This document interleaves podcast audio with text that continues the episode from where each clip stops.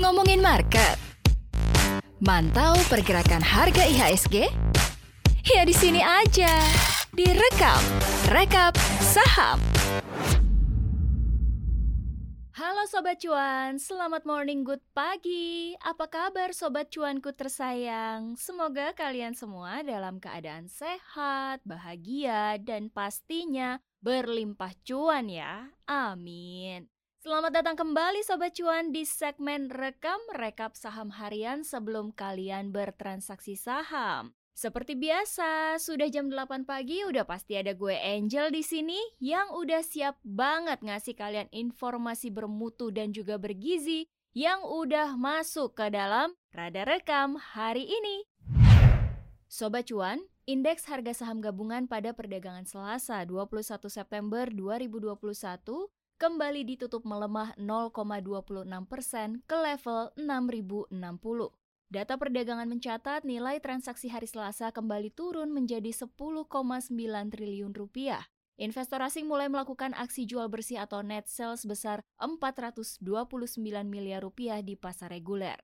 Kemarin, asing itu tercatat melepas setidaknya tiga saham bank big cap, yaitu PT Bank Rakyat Indonesia Tbk atau BBRI, PT Bank Sentral Asia Tbk atau BBCA, dan PT Bank Mandiri Tbk atau BMRI. Sementara itu dari pembelian bersih, asing tercatat mengoleksi dua saham big cap, yaitu PT Telkom Indonesia Tbk atau TLKM dan juga PT Bank Negara Indonesia Tbk atau BBNI. Ada apa ini ya Sobat Cuan ya? Karena kalau emang kita lihat uh, pada perdagangan Selasa kemarin itu sepanjang hari indeks harga saham gabungan berada di zona merah. Dan kalau kita lihat lagi, mungkin ini juga dipengaruhi oleh koreksi bursa Asia dan juga Amerika akibat masih khawatirnya investor terkait krisis likuiditas pengembang properti China Evergrande.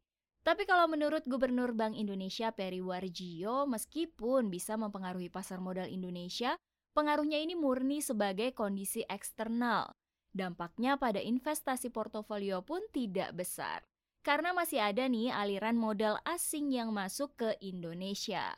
Itu Sobat Cuan. Jadi masih aman ya dan gak akan terlalu berpengaruh gitu ke portofolio investasi kalian selama masih ada aliran modal asing yang masuk ke dalam negeri.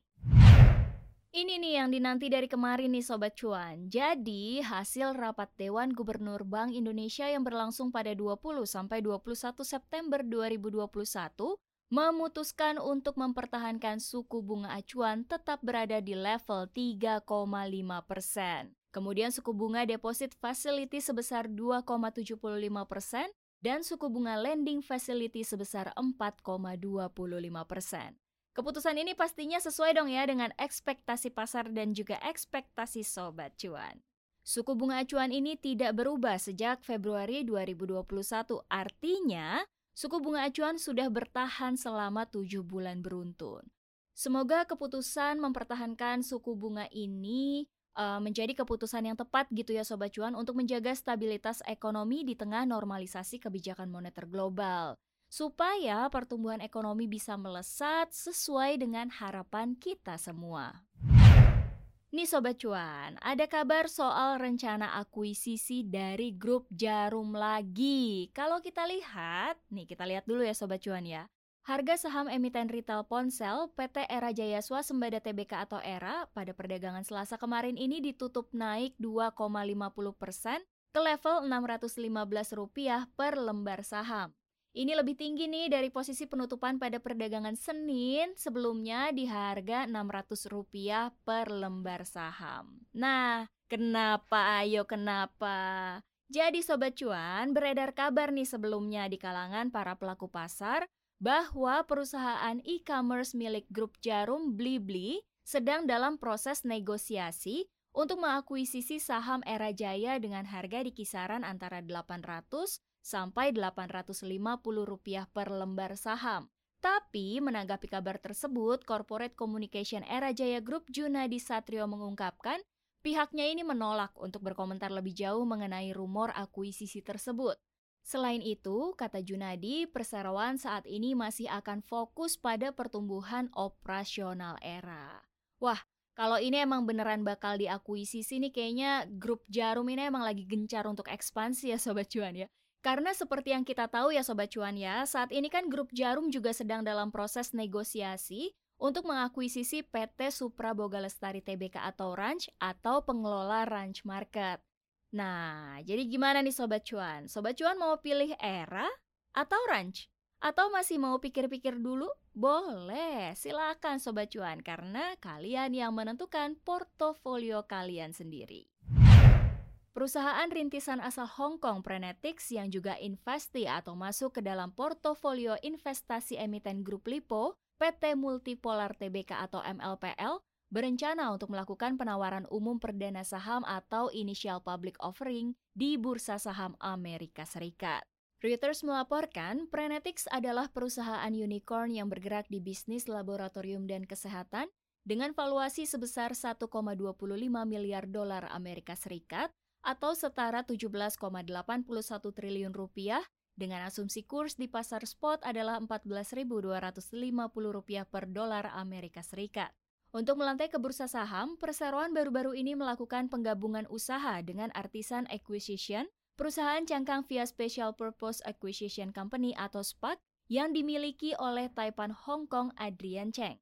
Nilai merger keduanya ditaksir mencapai 1,7 miliar dolar Amerika Serikat atau setara 24,22 triliun rupiah. Selain itu, ternyata oh ternyata MLPL ini juga mengumumkan bahwa mereka telah berinvestasi pada Noise, perusahaan rintisan teknologi dan podcast milik PT Mahaka Radio Integra Tbk atau MARI, emiten yang didirikan oleh Menteri BUMN Erick Thohir.